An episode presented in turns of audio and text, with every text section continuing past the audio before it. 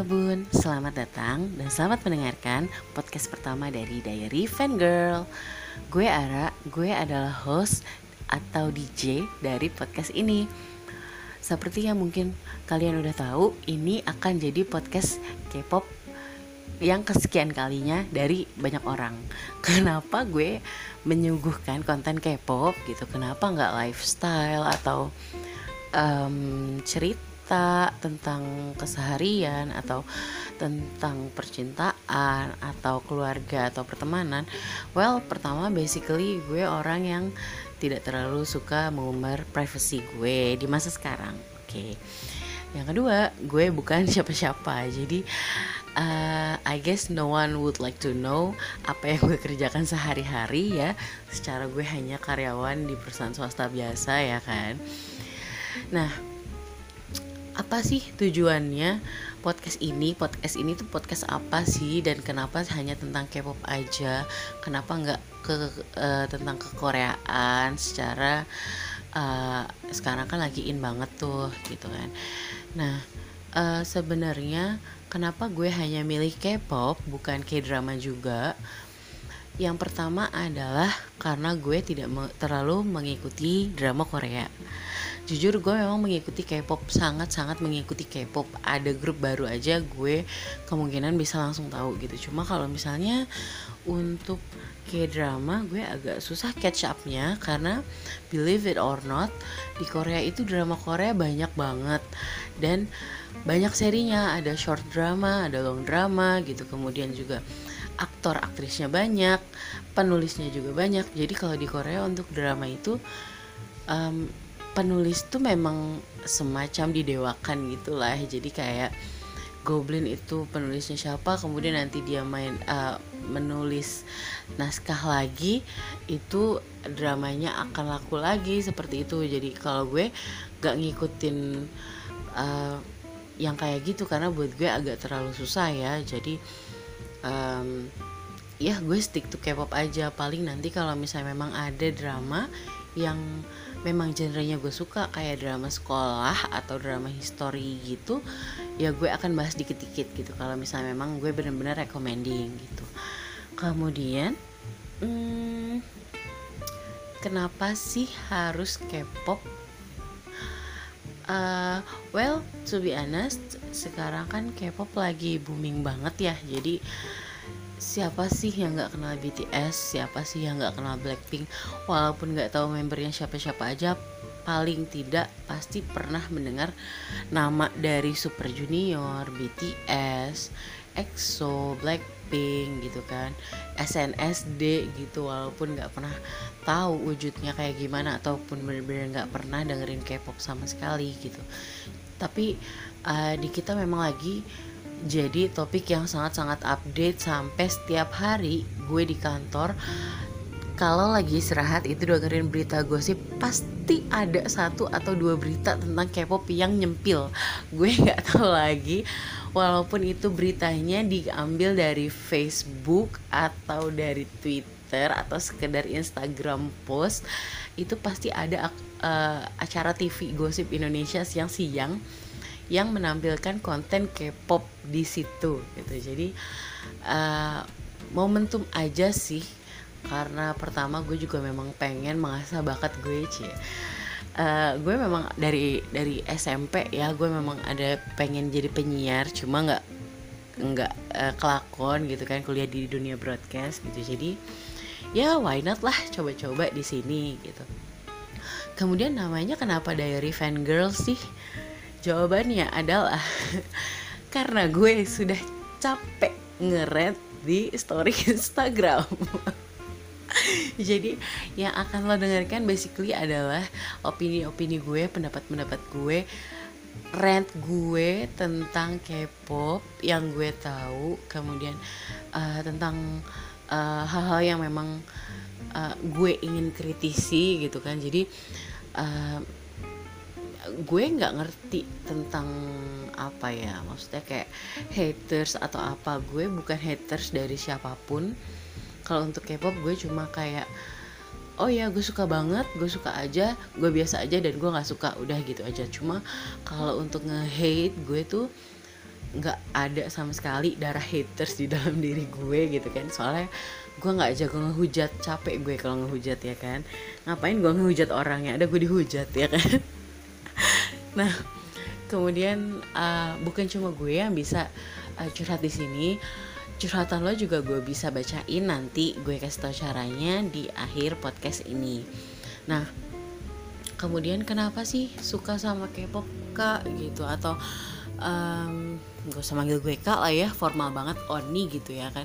Oni kenapa sih suka sama K-pop gitu? Dari kapan suka sama K-pop? Um, gue suka sama K-pop itu dari 2008 kalau nggak salah ya. Jadi awalnya adalah ketika SMA itu gue suka banget sama yang namanya Jepang Jepangan Harajuku style. Lagunya gue suka sama Orange Renji gue suka sama Arashi gitu. Banyak banget lagu Jepang yang gue suka gue udah lupa banget sekarang. Uh, diajakin sama satu temen gue halo Mila. Namanya Mila gue diajakin untuk ikut ke dalam satu komunitas uh, Jepang-Jepangan namanya Nihon Katsu kayak komunitas cosplay cosplay gitu.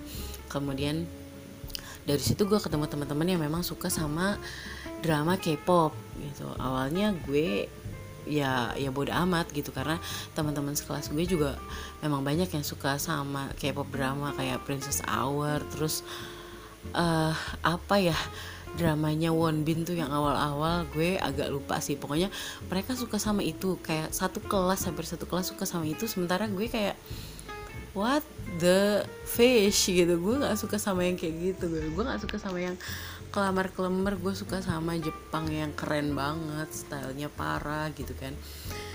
Uh, dan ternyata ketika pas gue udah kuliah semester 1 gue terjerembab lah ke dalam ke Korea jadi ya bisa dibilang itu sweet karma sih karena uh, berkat K-pop itu berkat fandom itu berkat orang itu gue bisa jadi kenal K-pop sampai sekarang. Nah siapa sih yang bawa-bawa gue ke K-pop gitu sampai gue parah addicted banget kayak gini?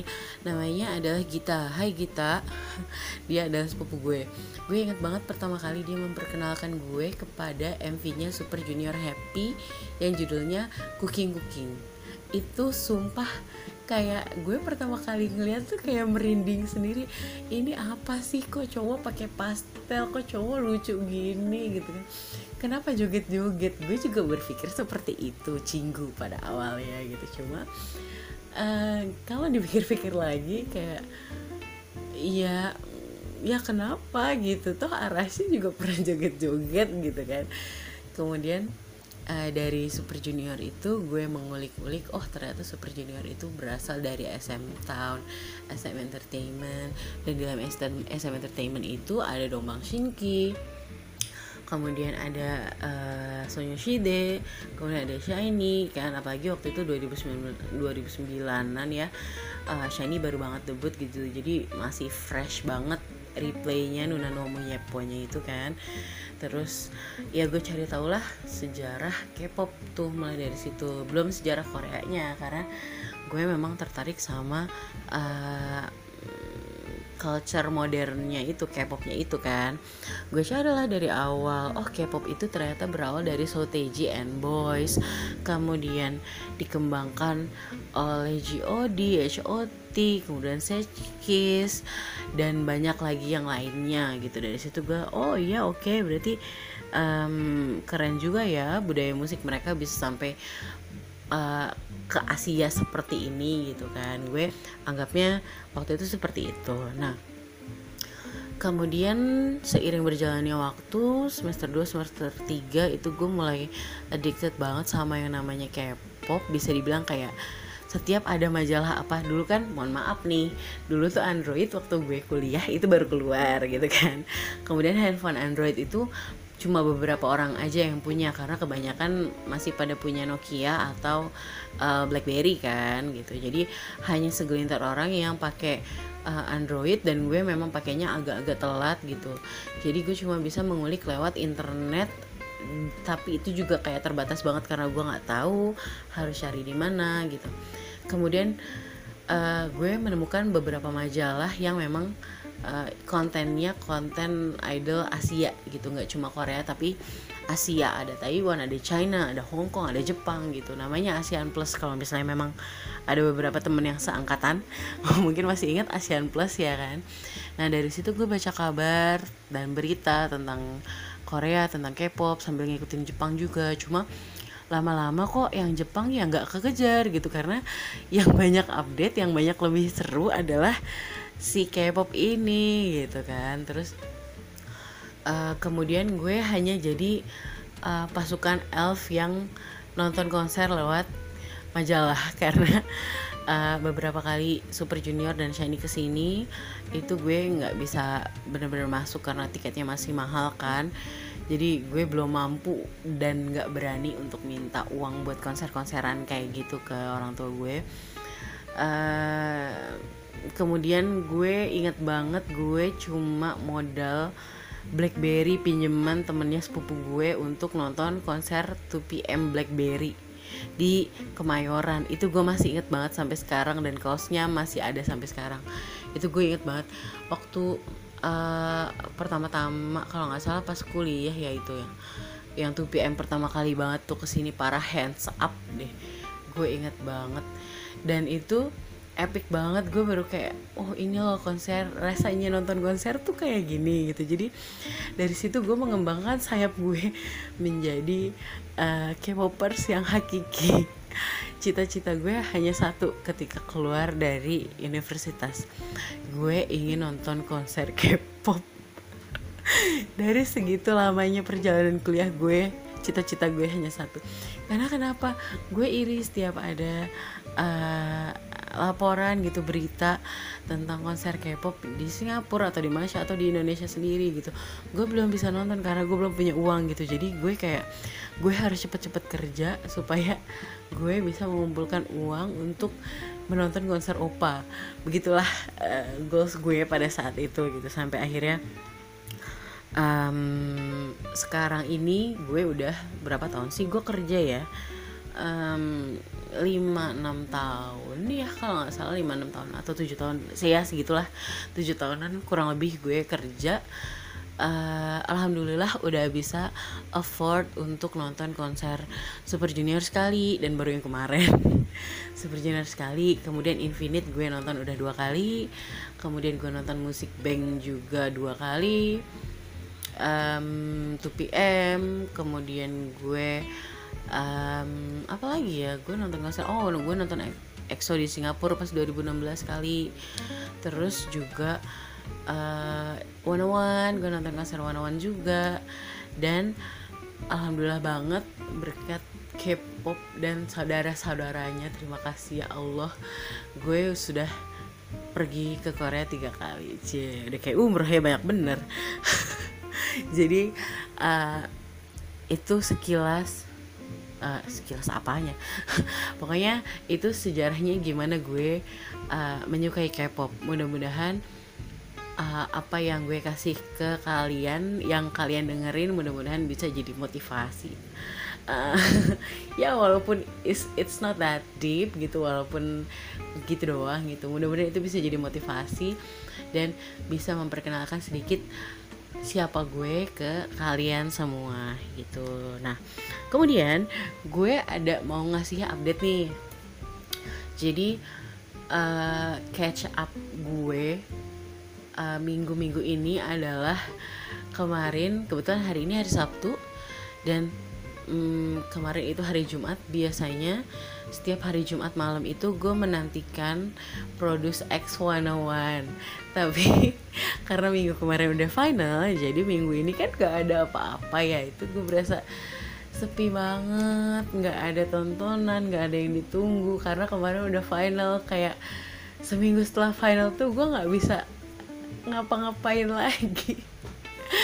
Yes, bener gue lagi update banget soal produce karena produce uh, one on one itu gue sebenarnya tahu dari yang pertama dari zamannya Somi cuma um, gue karena nggak begitu ngerti programnya jadi gue nggak begitu ngikutin dan gue ngikutin pas udah jadi oh IOI itu lagi farewell konser.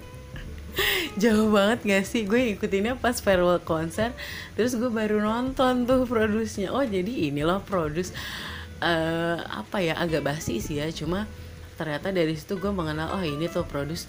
Dan pada saat itu kan produce season 2 sudah udah lewat ya kan maksudnya one nya udah terbit gitu one nya udah debut gitu. Dan uh, kemudian gue dikenalkan oleh temen gue yang bernama Hania Purwitasari. Hania temen gue ke Korea kemarin. Sih uh, dikenalkan sama Hania uh, ke Wanawan cie. Ini loh Wanawan Wanawan ini loh uh, Ara gitu kan. Jadi gue dikenalin oleh Wanawan itu Februari ya kalau nggak salah tuh. Pokoknya ketika tahun kemarin mereka ke Jakarta gue tuh bener-bener baru kenal dan oh ya udah gue nggak mau nonton mereka gitu kan. Dan si Hania pun kayak gitu jadi kayak belum ada motivasi oh ya udah cukup kenal aja gitu. Cuma semakin ke sini semakin ke sini tahun kemarin tuh kita kayak parah ya kita kenapa baru kenal sekarang gitu.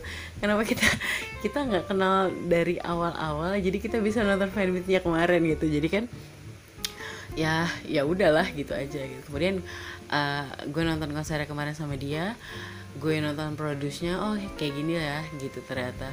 Terus kemarin gue nonton juga produce 48-nya yang ada si Sakura Nako terusnya Hitomi segala macam. Gue suka sama uh, apa namanya member-member Jepangnya sama uh, Enbi juga gue suka. Nah yang keempat ini nih tadinya gue nggak mau mengikuti kan. Cuma um, ini agak lucu sih. Pas di episode 1 tuh banyak banget spoiler di Instagram gue yang bilang ini cakep ini cakep gitu. Kemudian ya ini talent banget ya ini uh, one pick gue apa segala macam gue tuh jadi ke trigger gitu. Gue nonton gak ya nonton gak ya gitu.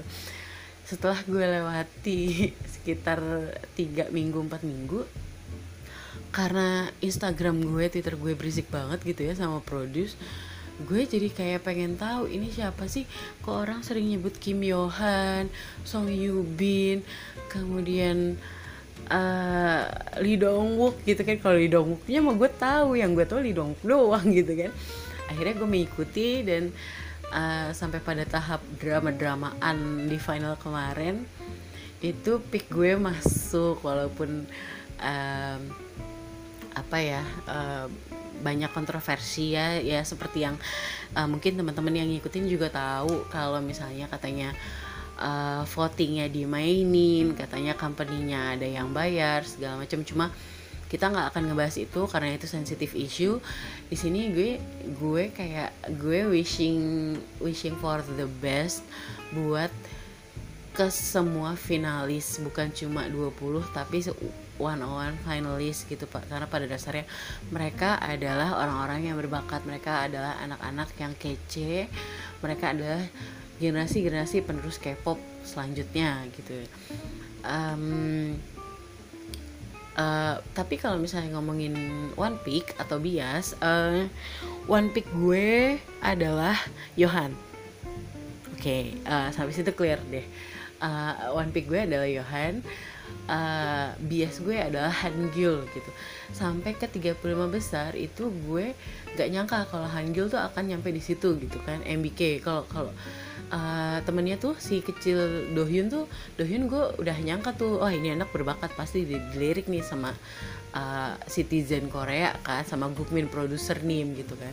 Cuma yang nggak gue sangka sih Hangul Hangul tuh bisa sampai uh, bisa bisa di 30 besar itu dan gue langsung kayak wah Hangul gila ya gitu ternyata. Dan, dan dari situ gue kayak ayo Hangul kamu bisa jadi jadi finalis gitu kan sampai pada akhirnya Hangil uh, menempati posisi ketujuh. Nah dari situ uh, uh, gue mulai aktif mengikuti apa itu uh, kayak grupnya ya gimana ya gue ngomongin? Oh ya jadi gue agak ribet nih ngomong. Jadi ada beberapa uh, enggak beberapa sih eh ya beberapa member X1 yang memang mereka awalnya punya grup kayak Jonghyun, uh, Minhyun, Ren sama Beko kan waktu itu yang New West ikut produce uh, One One Season 2 ini ada leadernya X1 namanya Han Seung Woo. Dia itu adalah membernya Victon. Uh, kalau gue lihat sih mungkin Victon memang nggak nggak terlalu besar di Korea cuma international fansnya kayaknya sih harusnya sih ada ya maksudnya ada aja gitu. Karena namanya juga gue sering dengar Victon gitu. Kemudian juga ada uh, Usok Kim Usok itu si namanya Kim bukan sih? Kim ya. Uh, Usuk itu adalah salah satu member dari Uptension yang di mana gue kaget banget. Pas gue kan memang kayak nggak terlalu mengikuti awal-awalnya banget gitu kan. Cuma pas gue nonton episode pertama itu gue kaget banget. Member Uptension itu ada yang ikut di produce karena setahu gue mereka terkenal internationally gitu. Jadi apa mereka memang karena pengen menggait pasaran Korea makanya mereka ikut produce itu atau memang mereka belum merasa belum terlalu terkenal gitu kan makanya mereka ikut produce. Cuma yang pasti gue kaget banget sih kayak yang pas kemarin produce 2 itu sekaget itu gue US ikut uh, produce kan. Ini juga gue kaget walaupun gue gue nggak kenal sama sekali membernya gue sama sekali nggak kenal nggak pernah denger lagunya gitu. Cuma gue tahu Uptension karena sering banyak gitu yang menyebut-nyebut dan gue sering baca artikelnya. Cuma memang gue nggak tahu membernya. Itu tuh gue kayak wow Uptension ikut ada apa nih? Kenapa nih company-nya? Gitu. Secara kan uh, company-nya uh, ini kan tintap kan. Terus uh, ya si Usok itu juga masuk ke X1 gitu terus kemudian um, ada perpecahan yang terjadi di antara fansnya X1 dengan fansnya teman-teman uh, finalis yang sudah uh, tidak lagi apa ya maksudnya yang tersisihkan dari menjadi member X1 gitu. Jadi ada uh, yang menyebut mereka bisa debut di dalam grup yang namanya Be Your Nine atau BY9 itu yang gue uh, amati di Twitter selama seminggu ini. Jadi uh, netizen Korea sana yang merasa bahwa uh, voting itu tidak adil menuntut untuk 9 trainee yang tidak lulus menjadi X1 itu debut sebagai Bior 9 gitu untuk menjadikan Bior9 sebagai uh, JBJ kedua. Karena kan kemarin JBJ juga dipilih dan dibut, didebutkan berdasarkan uh, favorite pick dari para uh, Gukmin producer kan. Jadi Gukmin producer yang merasa bahwa uh, voting ini tidak adil oke okay, nggak apa-apa member X1 silahkan debut. Tapi kita mau debut uh, Bior9 juga. Kita mau mereka debut juga karena mereka deserve uh, the stage juga gitu. Jadi sekarang tuh sedang ada uh, kondisi seperti itu di mana bisa dibilang cukup sensitif ya di kalangan uh, X1 stand fansnya X1 yang memang uh, bener-bener kayak ya bodoh amat gitu. Kalau urusan voting tuh urusan uh, Mnet lo jangan benci sama anak gue jangan benci sama idol gue jangan benci sama grup baru gue lo benci aja sama Mnet gitu nggak usah pakai nge-hate member gue gitu. Uh, sedang terjadi kondisi yang seperti itu sama di antara kayak ini tuh harusnya di posisi ini loh gitu. Jadi uh, gue uh, terus terangnya gue ada di kedua belah pihak gitu kan. Kenapa gue bisa bilang begitu? Uh, ada dua orang yang gue suka dan mereka terpecah gitu gue suka banget jujur gue William Stan hard William Stan dari pertama kali. William tahu gue tahu William ikut itu gue mengikuti hanya update nya anak-anak William gitu kan. Min So Yun Song uh, Junho dan yang lainnya gitu kan. Jadi gue sangat mendukung Ulim ada di sana. Karena jujur kemarin mereka mendebutkan Golden Child itu strateginya salah banget. Sekarang Golden Child juga belum terkenal terkenal amat di Korea gitu. Jadi mungkin Ulim uh, ingin mengembangkan sayapnya mereka supaya diketahui oleh publik Korea dengan cara produksi ini gitu uh, ya seperti yang mungkin teman-teman udah kebanyakan tahu Junho masuk ke X1 dan Yunsong tersisihkan gitu. Ada yang bilang nggak adil harusnya Yunsong yang masuk, Junho yang enggak gitu karena yang lebih aktif itu Yunsong, yang lebih uh, dilihat sama Gukmin producer itu adalah Yunsong gitu. Cuma maksud gue come on nggak usah seperti itu karena uh, calon member Bior 9 member X1 semuanya berbakat semuanya keren. Kim Yohan Song Yubin mereka sama-sama keren. Kemudian uh, Seung Cho Seung Yeon sama uh, Lee Jin Hyuk mereka sama-sama keren. Um, Kim Min Gyu Kim Min Hee mereka sama-sama keren gitu. Jadi nggak ada yang nggak keren nggak ada yang berbakat di antara 20 itu gitu. Kalau mereka nggak berbakat mereka nggak mungkin dong masuk 20 gitu kan.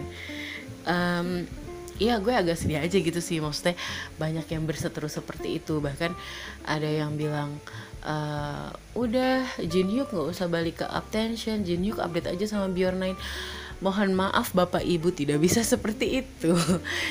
Uh, dari awal Jin Hyuk adalah kepunyaan Haniten Haniten ya sebutannya kalau nggak salah ya uh, Jinhyuk adalah kepunyaan Haniten dan itu hanya Jinhyuk yang yang berhak memutuskan dia mau debut sama Bjorn lagi atau memang stay sama Uptension. Karena jujur aja setelah produce ini gue ngerasa namanya Uptension itu sangat besar. Bahkan bukan setelah produce ya pas produce juga di episode-episode 8 episode 7 itu ketika namanya Jinhyuk mulai naik karena karena si Henami itu kan itu um, Uptension tuh namanya udah mulai dikenal oh, ini loh Jinhyuk Uptension Uptension gitu kan.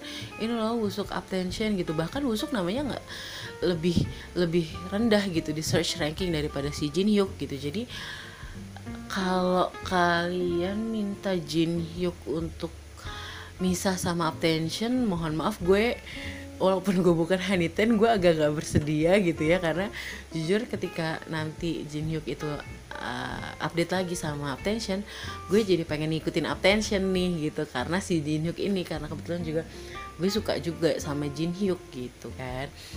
Uh, ah by the way Jin Hyuk itu salah satu pick gue yang memang gak masuk dan Yoon Song juga salah satu pick gue yang gak masuk juga gitu. Jadi gue bukan cuma ada di sisinya X1 walaupun bias gue ada di X1 tapi gue juga ada di sisinya Bior 9 atau calon calon member Bior 9 gitu. Karena gue juga pengen Yun Song debut gue juga pengen Jin Hyuk sukses gitu. Tapi ya every, everyone has their own way jadi ya udah gitu kan. Gue akan menerima sebagai uh, fans global yang memang hanya biasa membiayai adik-adik dengan cara membeli album ya gue hanya mendukung mereka apa pun keputusan mereka gitu. Yang penting mereka tetap bisa ada di stage mereka tetap bisa nyanyi mereka tetap bisa senang gitu. Kemudian gue mau ngasih satu update lagi.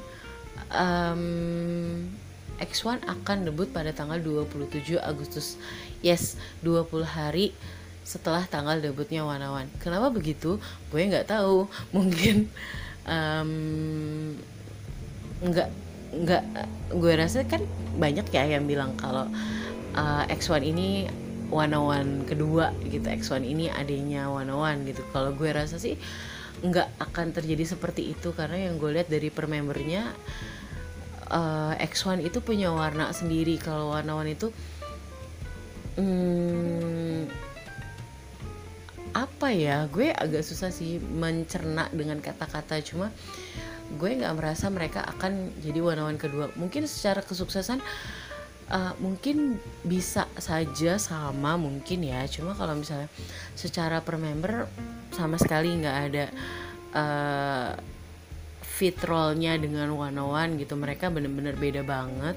Dan mereka itu uh, spesial karena beberapa dari mereka bener-bener ada yang trainee baru banget yang belum nyampe satu tahun ya kan? Jadi uh, spesialnya di situ mereka akan debut tanggal 27 Agustus di hari yang sangat panas di Gocok Dom pemirsa. Gocok Dom.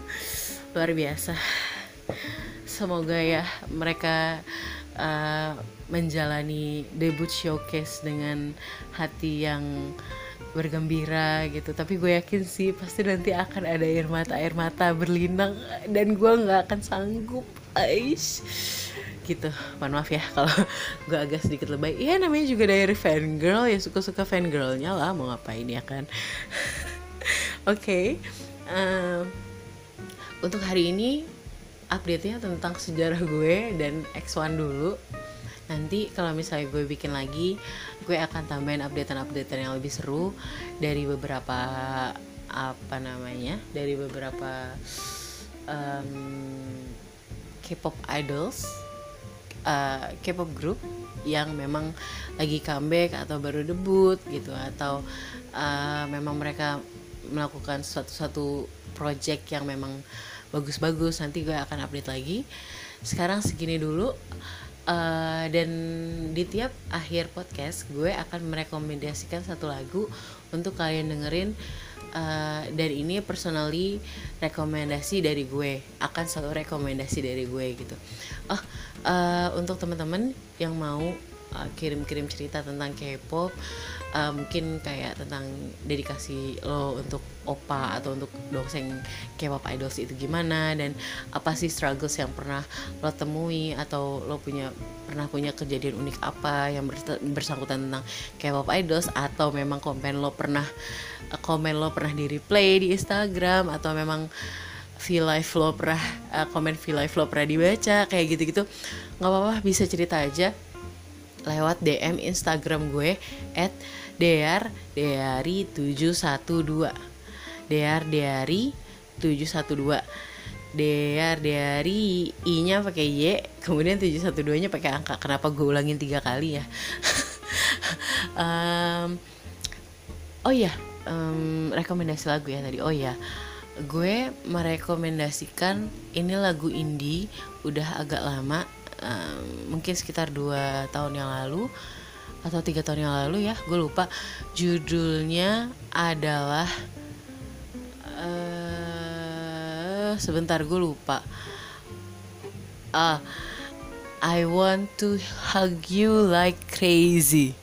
Jadi aku ingin memelukmu dengan erat sampai gila itulah. Yang nyanyi adalah uh, Autumn Break atau Gaul Bang Hak gitu. Cari aja coba uh, Autumn Break di Google. Kemudian judulnya I Want to Hug You Like Crazy. Itu lagunya bagus lagunya calming tapi sedih.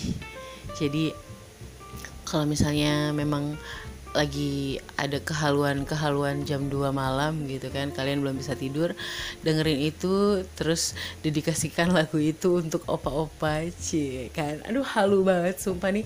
Pas banget emang sama namanya tuh Diary Fan Girl gitu kan. Oke okay, uh, eh, sekarang udah jam segini gue akan undur diri dulu. Jangan lupa dengerin terus uh, Diary Fangirl di Spotify Podcast setiap hari Sabtu jam 7 malam. See you later. Annyeong.